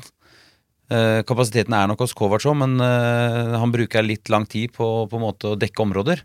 Men det, Så han er, er det er jo ikke hans område, spør du meg. da Han, Kovac er ikke på banen for å være førsteårsvarer i første, førsteforsvarer. I hvert fall ikke når han spiller med Mjelde og Selin, eller Selin på topp. For da er det de som skal ta seg den rollen. Det er klart hvis du, får, hvis du bruker han som et oppspillspunkt, altså du vil ha Selin i bakrom, altså stuss og den type ting eh, Ok, i forhold til møtet de hadde nå og skal spille litt enklere, så kan det hende at Kovac Jeg, jeg tror Kovac starter. Ja. Jeg tror Mjelde og Kovac starta på topp. Jeg vil ikke ha Men dere får, langt. dere får bestemme. Det er Nei, nei, nei, nei, du er med. Men jeg kommer jo til å si fra hvis det ikke det stemmer det dere sier. Selvfølgelig. Ja. Det må du bare gjøre. Ja, nei, det er vanskelig. Jeg vil jo ha Pau Måre på banen òg. ja, Ja, det er for mange spillere. Ja. Men uh, Kan hende vi trenger en, en Ja. ekstra eller to. ble vi enige om venstre indreløper? Blei det Ludde, eller blei det Mjelde? Nei, jeg Jeg, Jeg ble nedstemt. Du ble nedstemt. Ja. Da ble det Mjelde, da. sa Ja. ja. To mot én.